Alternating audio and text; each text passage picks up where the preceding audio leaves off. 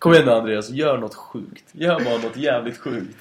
Oh, odio Napoli, Odio Napoli, odio Napoli, odio Napoli. Oh, Odio Napoli, odio Napoli, odio Napoli, odio Napoli.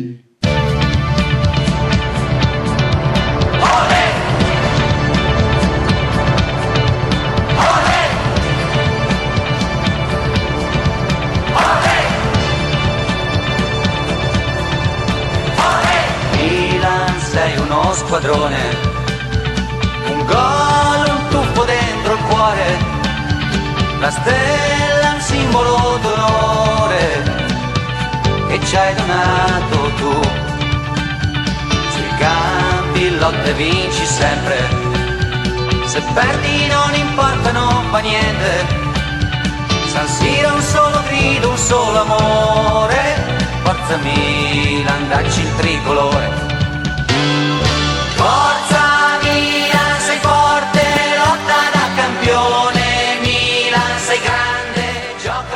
Fossa degli Alci, live från Milano. Lite hes för att jag har tillsammans med Andreas Don Mascarpone Ciao, ciao.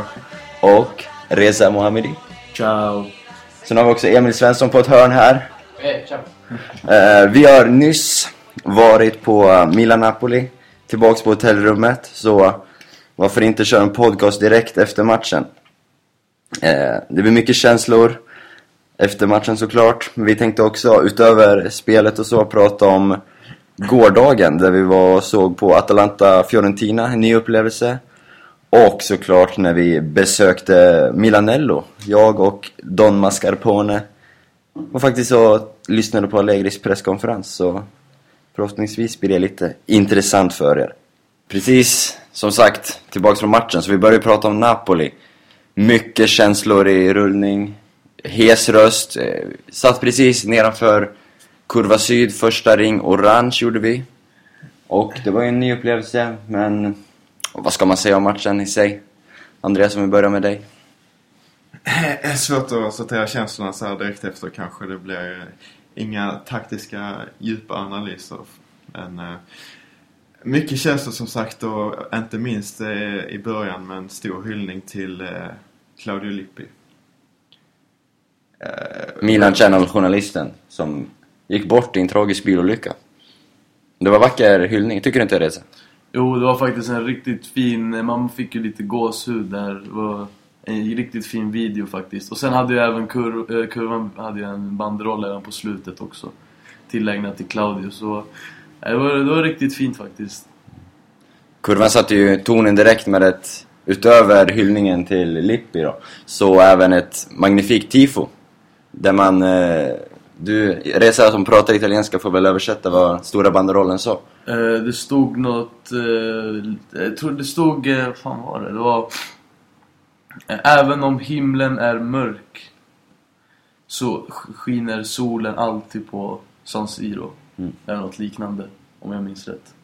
Och eh, ja, vi satt ju precis nedanför och eh, tifot såg ju riktigt fint ut därifrån. Men sen såg vi ju även, när vi kom hem så såg vi lite bilder lite längre ifrån. Och då såg man att det var, då såg det ännu bättre ut från långt håll.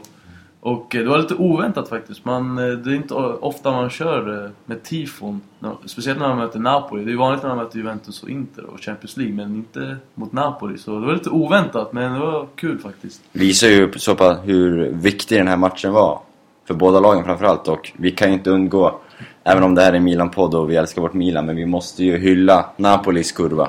Som på tredje ring norr eh, höll igång riktigt, riktigt bra. Speciellt i första, eller första halvtimmen kanske och innan matchen. Det är faktiskt all cred till, eh, till Napolis fans. Riktigt imponerande. Mm. Ja, 7000 eh, beräknades det komma ungefär och det var i princip fullt på deras sektion. Väldigt bra ös därifrån och eh, jag tyckte man märkte även i Milan-klacken så var det, vi har ju ändå varit på ett par stormatcher nu och det var nervöst alltså. Det var inte, ja, jag kan inte riktigt förklara stämningen på det men det var nervöst. Så det, det känns som matchen verkligen betyder någonting. Och man, och man kände av matchens eh, betydelse. Vi pratar eh, sportsligt. Mathieu Flamini, mannen i fokus. Ett vackert första mål, väckte otroliga känslor. Ja, sist vi var på plats, jag och Andreas, så var det ju derbyt och då blev det inga Milan-mål. Så att få skrika ut sig glädjen, kanske ni hör på mig om ni har hört oss förut. Så, fantastiskt mål. Sen eh, tappade ju han sen själv markeringen, Mathieu. Och gav Hamsik stora ytor. Vilket i sin tur gav Pander stora ytor och kvitteringen var ett faktum.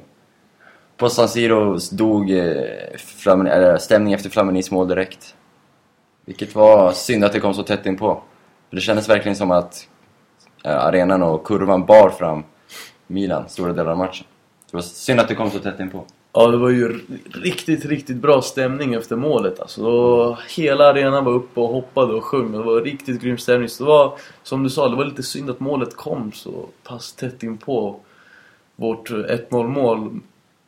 Och ja, Flamini. Det var som jag, jag sa till Andreas under matchen. Flamini, han, gör, han ville göra allt den här matchen. Han var överallt i den här matchen. Kändes så som i alla fall när vi satt där på plats. Det kändes som att han var överallt. Han gjorde ju först målet. Så var han hela tiden där på hugget, eh, löpte i djupled och slog en hörna och ja, det kändes som att han var lite överallt. Och jag sa det till Andreas också under matchen, så kom utvisningen i andra halvlek. Det var lite, ja, lite, lite väl onödigt att, eh, ja, och det är, on, alltså, det är främst dåligt, taskigt mot sina lagkamrater att sätta dem i den här sitsen.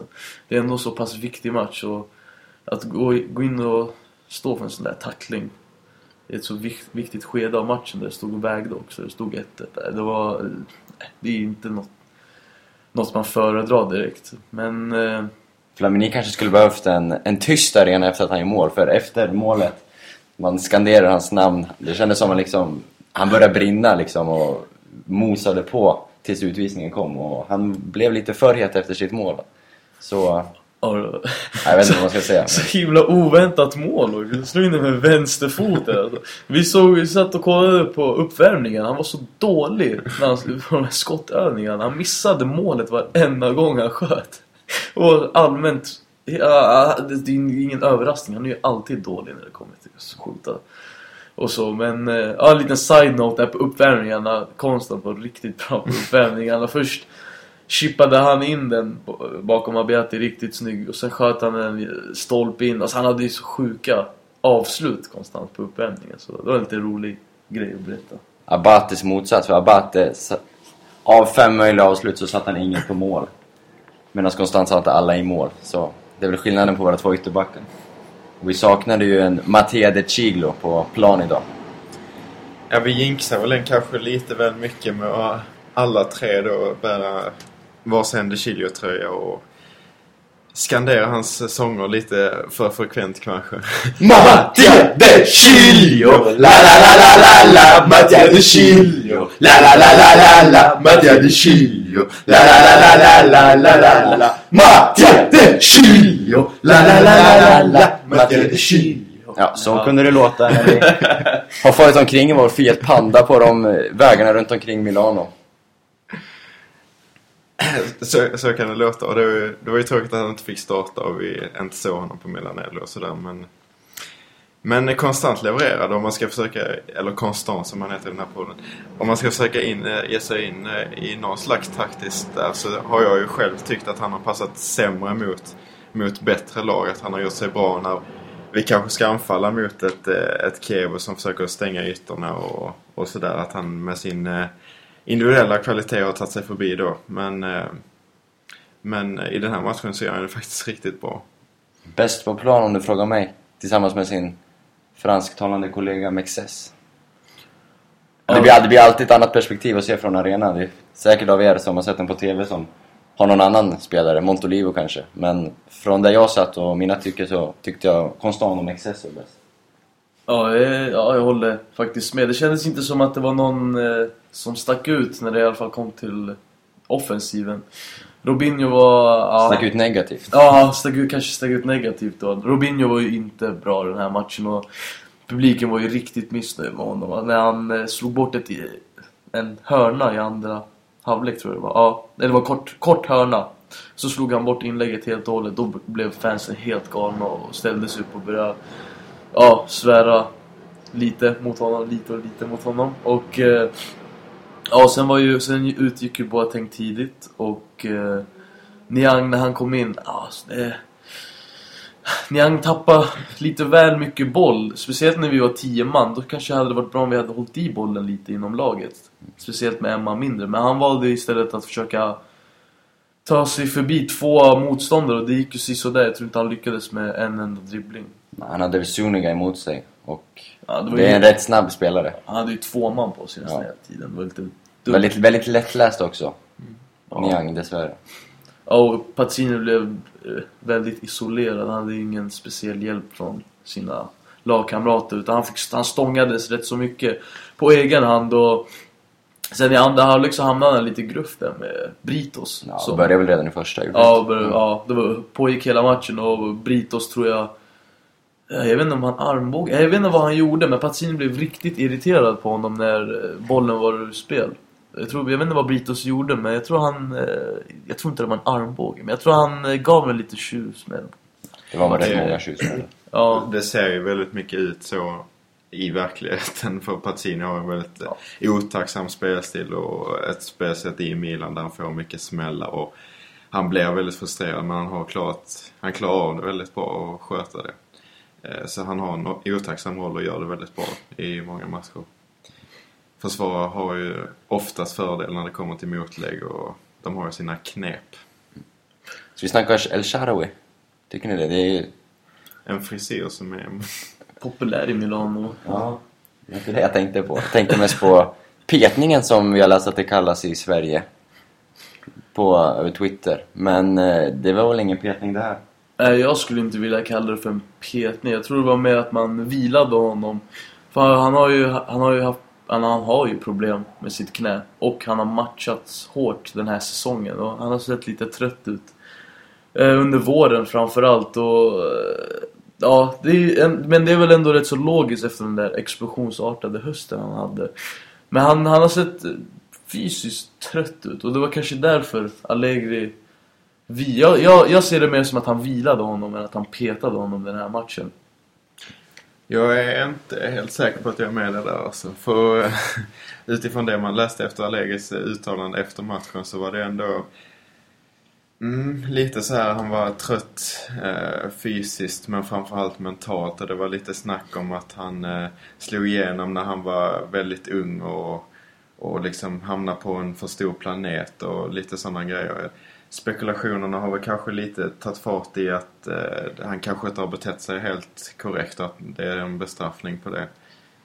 Jag vet inte, jag har inte riktigt eh, analyserat situationen fullt ut men det kan, det kan röra sig om en petning skulle jag...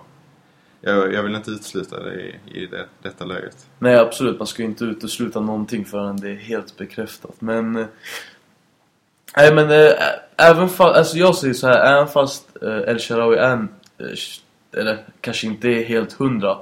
Jag tycker att man ändå ska, om han vill spela tycker jag att man ska spela med honom. För jag tycker en spelare som El Sharawi, det handlar bara om att hålla han nöjd. Han ska vara nöjd hela tiden. Om han vill spela så tycker jag han borde spela. Han ska spela hela tiden. För vi vill inte ha en El Shaarawy som bara blir petad och sen blir missnöjd. Alltså, jag, han är en av de få spelare som man verkligen måste hålla nöjd hela tiden. Tycker jag i alla fall. Milan, Milan corre va, più nessuno ti fermerà. Milan, Milan, mondo intero può conquistar. Det var ju första matchen för dig Reza, också för Emil här på hörnet. Eh, några spontana tankar efter din första match på San Siro? Ja, alltså det är en spontan reaktion. Det var... Jag, jag har ju sett matcher förut, inte Milan då, men det, det är ju så svårt att bedöma hur pass bra spel, äh, hur pass bra spelarna är. När man sitter och kollar live, om man jämför med om man kollar på TV hemma i soffan. Det är så svårt att liksom skapa en uppfattning om hur pass bra en spelare är. Och eh, det, det kände jag riktigt så här. Man, det, man ser ju mycket annat som man inte ser när man sitter på TV. Som, alltså man ser ju eh, spelarna rör sig utanför bild och, och så vidare. Men samtidigt tycker jag även det är riktigt svårt att skapa en riktig helhetsbild av viss, eh, en viss enskild spelare, prestation och så vidare. Och eh, ja, på tal om det här med att eh, saker som man ser, som man, som man inte ser hemma i soffan. det, det var en liten rolig grej. I halvtid så... eh, El Shaarawy, El Shaarawy var ju som sagt han petad slash vilade. Och i eh, halvtid så, så... Så snackade han... Han, han, han höll på...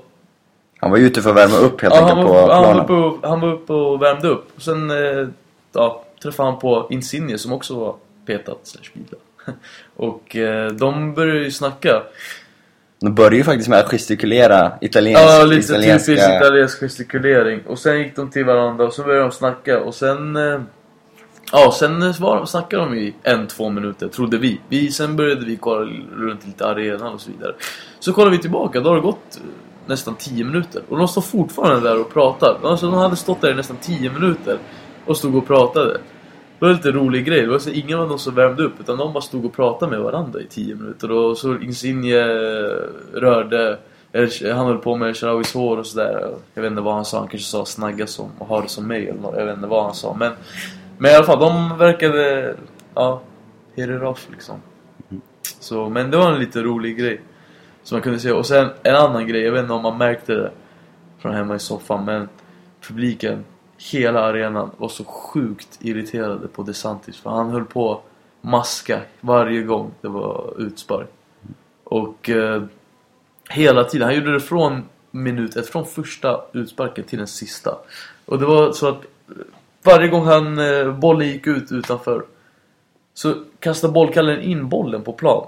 Och sen låtsas det samtidigt som att han inte ser den. Och så går han förbi. Och så letar han och så kollar han på bollkallen och ber honom om en boll. Och bollen är redan på plan. Och han gjorde det minst fem gånger. Och sen, det tog ju, det var det andra halvlek fick han först en varning av Rocky. Och han fortsatte göra det även fast han blev varnad. Han hade mage att göra det även fast han var varnad. Och han fortsatte göra det. Och publiken blev ju helt galna. Så folk där bak, han började ju hetsa folk eh, där bakom där under kurvan, de som stod där bakom målet. Han hetsade ju så mycket mot dem och de blev ju helt galna och stod där och skrek och gestikulerade mot honom. Och sen började de även sjunga lite grejer mot honom, riktade mot honom. Och det var... De Santis, omo di merda, omo di merda, De Santis, omo di merda. Omo di Och så körde de lite såhär Shemo, shemo. Ja, de, de körde... Jag var riktigt irriterad, så det var jävligt roligt faktiskt. Man rycktes ju med och blev lite så här, ja, började svära lite och ta, blev, man blev lite irriterad på honom för det var... Nej, det var inte direkt sportsligt men ja, vad ska man göra? Det är en sopmålvakt från Napoli, så han får ta det. En eh, intressant grej där med publiken faktiskt var ju att de hyllade Shevchenko. Mm. Kan ju vara relevant att ta upp i sammanhanget.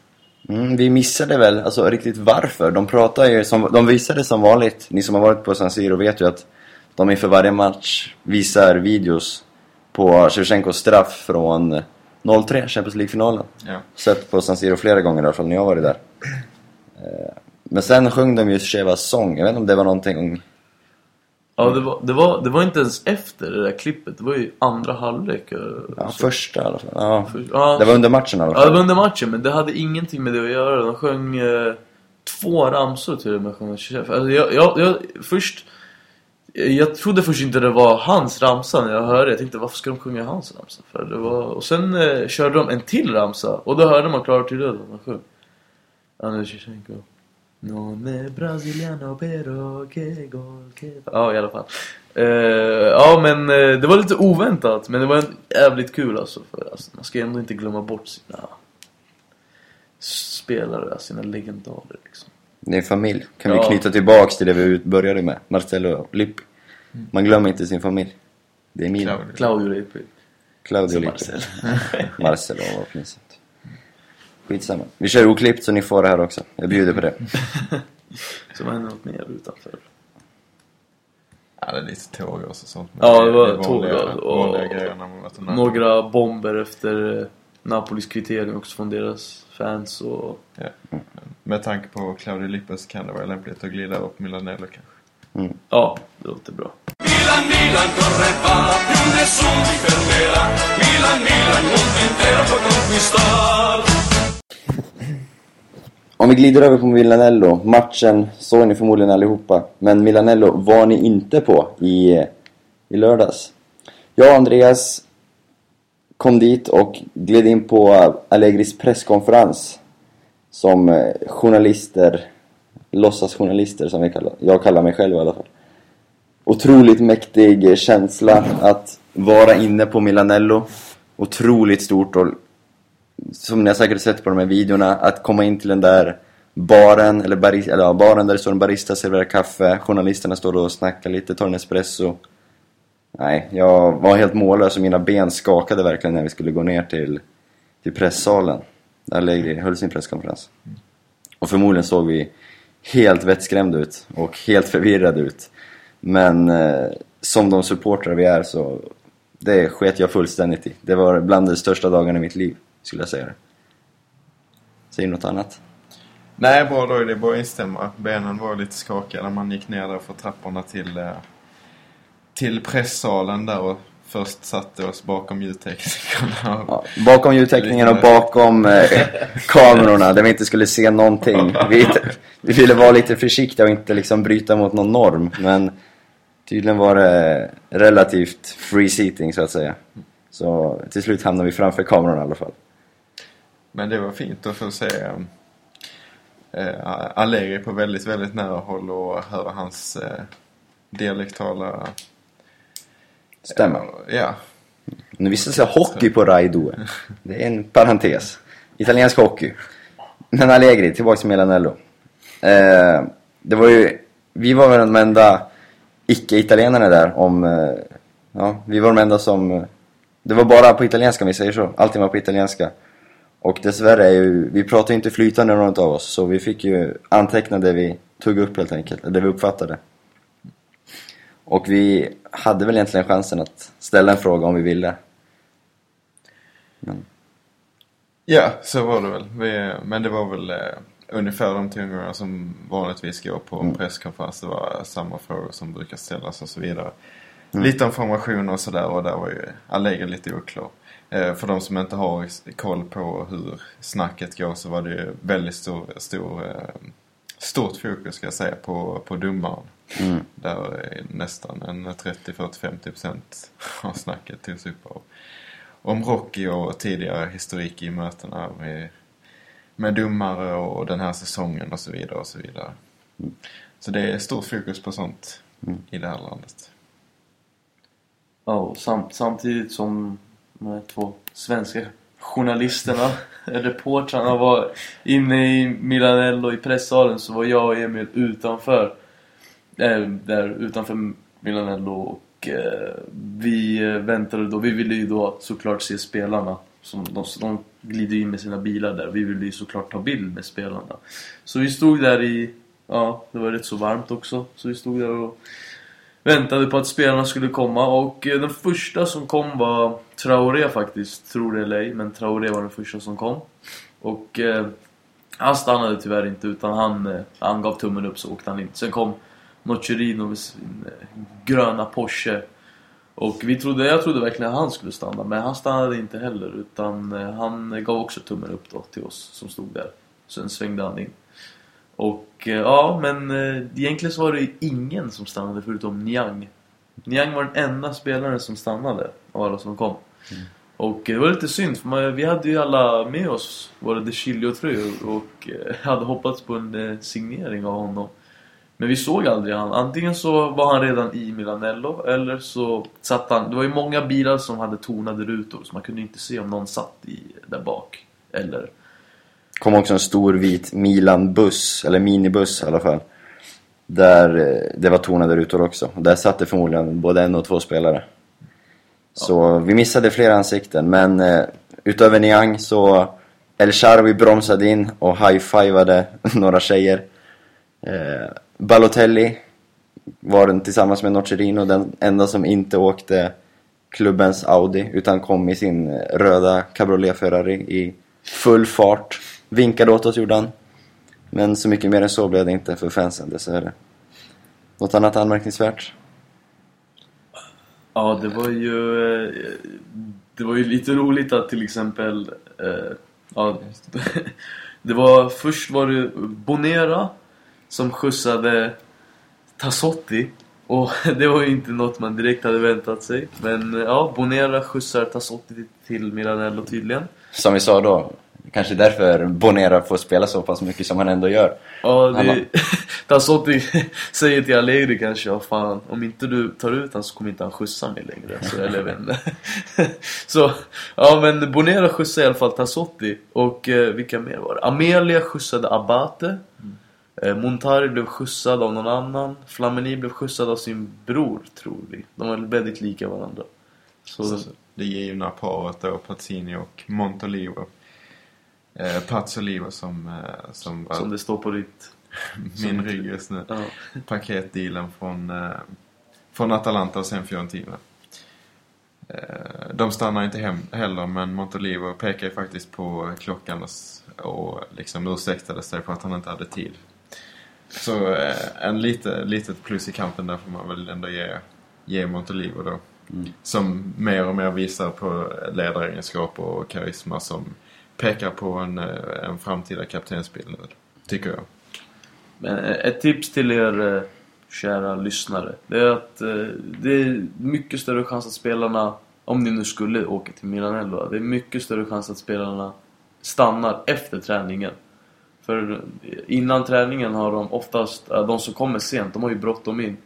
Och eh, sen är det ju väldigt, väldigt, väldigt viktigt att eh, inte komma för sent till träningen för dem.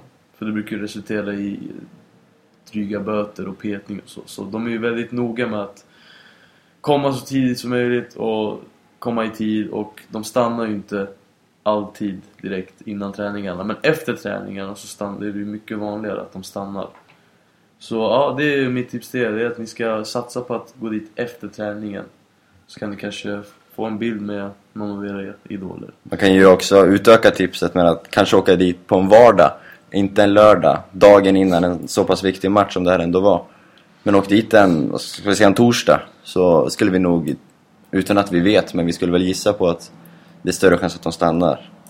Och vill ni utöka era odds ännu mer, eller minska oddsen kanske man ska säga, så ta med ett gäng tjejer, för det är tydligen effektivt. Både El Sharawi och Niang bromsar ju in och Niang stannar ju till och med helt framför eh, tjejgruppen. Så ta med eh, tjejen, eller du kanske är tjejen du, så åk dit och ta på en Milan-tröja och så är chansen större ska jag säga. Vi såg ju faktiskt Galliani också. Emil flikar in från hörnet. Hoppas ni, ni hörde det ju. Men Galliani kom sist av alla. Helt, helt, helt oväntat. Alltså det var, det, först, var det, först var det en vanlig chaufför. Sen var det två barn i baksätet. Och så ser man där i passagerarsätet ser man någon flintskallig gubbe med en telefon. Som han höll på att prata i telefon. Och så ser man är Galliani. Och, ja, ni kan ju gissa att han säkert genomförde en deal eller någonting. på, väg till, på väg till Miranello. Ja, men eh, sen efter ehm, att, efter Galliani, ja efter att Galliani ja, och hans sällskap, det var ju de sista. Efter dem så gick vi då runt, eh, runt eh, planen. De har ju typ fyra, fem, de har ju fyra, fem eh, planer där på Milanello, fotbollsplaner då. Och eh, de spelade ju på den som var stängd. Den var ju stängd för eh, offentligheten så man kunde inte gå dit. Men vi försökte ändå, vi försökte, göra en, eh, vi försökte vara lite listiga och vi gick runt eh, hela Milanello på på andra sidan då. Och sen kom vi, gick vi förbi Leråker och, och så, gick vi, så kom vi ut bakom planen där de tränade. Och eh, det var ju tyvärr vakter där då så man kunde inte ta sig över eller klättra upp på trädet eller något liknande. Utan de här vakterna följde oss hela tiden. Och sen det var ju andra där också, de här tjejerna som David nämnde innan, de var ju där också. Och eh, man såg, det var inte mycket, man såg ju lite, vi såg Abiati göra några räddningar. Och, eh, men sen hände, ja, sen var det inte så mycket, det var ju, allt var ju, alltså det var ju, utsikten var ju, utsikten var ju helt skymd så vi kunde inte se någonting. Och sen till slut så bad den här vakten oss, eller han sa åt oss att vi inte fick vara här. Och då gick vi. Så det fanns inget, äh, det var, det var lite synd. För vi hade ju velat eh, se lite träningen också men Det är kanske samma sak där, att onsdagar och torsdagar är eh, mer öppna träningar. Förmodligen. Säger vi utan källa, men... Mm italienska konstigt tv-program just nu som stör stämningen lite. Vi ber om ursäkt för det. Och som sagt, vi kör det här avsnittet oklippt. Milan, Milan correva, più nessuno ti fermerà. Milan, Milan, mondo intero può conquistar. Vi har haft en eh, händelserik resa, så Andreas, berätta något sjukt. Ja, vi stannar inte på Milanello för att träffa spelarna för vi tog bilen tillbaks till eh, Strömbergs Atalanta, Bergamo. För att se dem ta emot ett itchlöst eh, Fiorentina faktiskt. Eh, Fast Jajic spelar. Men- Ja, men han eh, från start snackar vi. Eh, och, och då, han vill lagom i tid till eh, Fiorentina-supportrarna anlände då. Och då var det ju smått fantastiska scener där de här två bussarna körde in. De var inte så många men eh, de var ju inte mindre briljanta för det där. Två par då, eller ett par så att säga, en, i 30-40 års åldern går ut lugnt, fridsamt, romantiskt nästan. Eh, går fram mot det här stängslet då som skiljer dem mot, eh, mot resten av Bergamo. De är ju inhägnade som, eh, som boskap nästan på, på de här resorna. Och eh, väl framme vid kanten då så smått fridfullt så utbrister de i Oh, Odio Bergamo, odio Bergamo, odio Bergamo, odio Bergamo. Så så kan det gå till på, på en italiensk bortaresa. Fina scener. Och fina scener från Atalanta som bjöd upp på berg i bakgrunden och en, eh, en eh, väldigt fin kurva, hemmakurva som höll igång trots underläge eh, som man kanske kan förvänta sig. Men bra stämning på, på stadion där. Ja, det, det jag framförallt gillade det var det här hetset alltså. Så, som det här nu Andreas berättade. Och så var det så här, när de kom ut eh, från bussen, där här bortafansen, Fiorentina-fansen. När de kom ut från bussen, då såg man alla var, såg så jävla belåtna ut. Så först gick det här paret fram och började sjunga. Och sen började alla andra också körde så här Atalanta, merda, Atalanta. Och så stod de där och det och det är så roligt för dem, för de har ju ett stängsel som skiljer dem åt. Och då stod Atalanta-fansen kunde ju bara stå där och lyssna. Och där, så var det några som gick förbi och några som svor åt dem och sådär. Men så de kunde inte göra någonting. Och de där stod bara och hela tiden bara sjöng lite anti-Atalanta-ramsor. Och det tyckte jag var riktigt, det var ju roligt för alltså det, som neutral tycker jag det var riktigt roligt alltså, att alltså, se det här hetset. Så var det ju ännu mer hets inne i arenan. För det är ju för det är ju, där bort, bortafansen sitter ju där vid hörnet. Och sen är det plexiglas, sen är det trappor och sen är det plexiglas igen för, och så sitter Atalanta-fansen där. Så det är alltså lite, det är alltså, vad är det? det är 5-10 meter skillnad mellan, eller avstånd mellan de här plexiglasen. Och när Atalanta gjorde, äh, inte Fiorentina gjorde sitt 1-0 mål. Så ser jag, först så ser jag, först så, jag kollar ju då mot bortafansen för att se hur de skulle reagera. Och då springer, för som vanligt, då springer några neråt. Det brukar de alltid göra. Så ser jag några andra springer mot plexiglaset. Mot Atalanta-fansen. Rakt åt höger alltså. Rakt åt höger alltså. Och bara står där och plexiglaset, bankar på plexiglaset och bara, och bara gör lite rörelse mot de nedre regionerna och, och bara hetsar sönder de här Atalanta. Men så gjorde du i 200 målet också, då var det ännu värre. Då var det ännu fler som sprang på plexiglaset och bara stod och bara gjorde så här. Bara hela tiden pekade ner mot sina nedre regioner och bara... Nej, det var riktigt roligt alltså. Fast, ja men eh, utöver det så bjöd eh, Atalantas kur kurva Nord, de bjöd upp till dans. Alltså det var riktigt, riktigt bra tryck från deras sida. De höll igång från första minuten till, 90, till, äh, tills eh, slutsignalen. De höll igång hela tiden. Sen hade de även riktigt fina banderoller tillägnade till eh, Morosini som eh, skulle då fyllt 25 idag. Och eh, så hade de eh, även eh, Avlidne presidenten. avlidne presidenter också till Ruggeri också hade de en banderoll. Och ja, de höll, höll igång riktigt bra. Det var ju en viss ramsa då ja, mina kompanjoner, eller mina medslagare här, gick, lämnade mig och gick ner oss för att stå istället. För vi satt ju ner. Resa som en stockholmaren är ju väldigt lat av natur så han vill ju sitta där på betongläktaren. Nej, jag satt riktigt fint där. Alltså, jag, jag vägrade gå. Men de här gick dit. Och sen när, när de gick dit så körde Atalantas kurva en riktigt fin ramsa. Alltså det var, rikt, den var riktigt, alltså, jag undrar, alltså på... Skulle haft en decibelmätare. På decibelmätare, ja. För alltså jag kände hur den här betongtrapporna började nästan skaka. Alltså det var riktigt sjukt alltså. Jag vet inte, ni var ju ännu närmare när ni gick dit. Hur var det för er då? De är ju väldigt mäktiga, de, den typen av ramsor som vi pratar om här, när man är, det är tyst och sen så eh, ett organiserat liksom kort eh, meddelande, eller sång, vad man ska kalla det. Det blir väldigt effektfullt, eh, just skillnaden mellan tystnad och, och ja, högstämmig sång. Det, mm, för att fortsätta, detta är ju någon slags liksom lektion i, i, för folk som inte har varit kanske och sett, som inte har sett hetset och inte sett allt det här.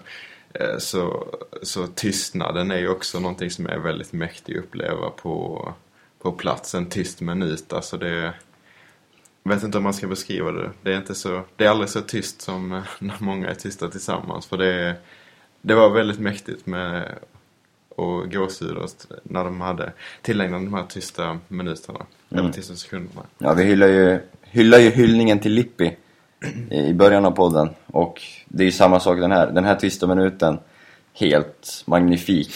Att först höra liksom kurvan, skandera ramsa på ramsa. Och sen bara ska matchen börja och den tysta minuten och det blir helt tyst på hela arenan. Liksom, är det någon som säger något så hyschas han. Det är mycket, väldigt, väldigt respektfullt i Italien. Sen applåderar man och sen tyst igen väl Ja, riktigt coolt eller häftigt och magnifikt kanske mer rätt ord. Ja, det var vackert. Det var Ja. riktigt vackert. riktigt fint faktiskt. Det var riktigt, man hade många banderoller också. Till, tillägnade till eh, eh, Morosini också. Jag tycker det var riktigt fint alltså. Ja, det, var lite, det var lite synd där. Resultatet var ju lite si och så. Man ville ju gärna se Atalanta, i alla fall göra ett mål och se eh, fansen bara explodera. Men ja, det var ändå bra. De höll igång riktigt bra under matchen ändå. Så det var en klen tröst. German Denis otroligt populär i Atalanta av förklarliga skäl. Trots utvisningen direkt, eller röda kortet, så hyllades han. German, German, Dennis, Dennis, Ja, ja han, var ju, han är ju riktigt populär alltså. Redan, han har varit, vad har han varit? Två säsonger? Två, tre, någonting, Ja, ja. Han är ju hur populär som helst. Alltså, de eh, skanderar hans ram- han, var den enda, de var, han var den enda spelaren de körde en spelarramsa på. Mm.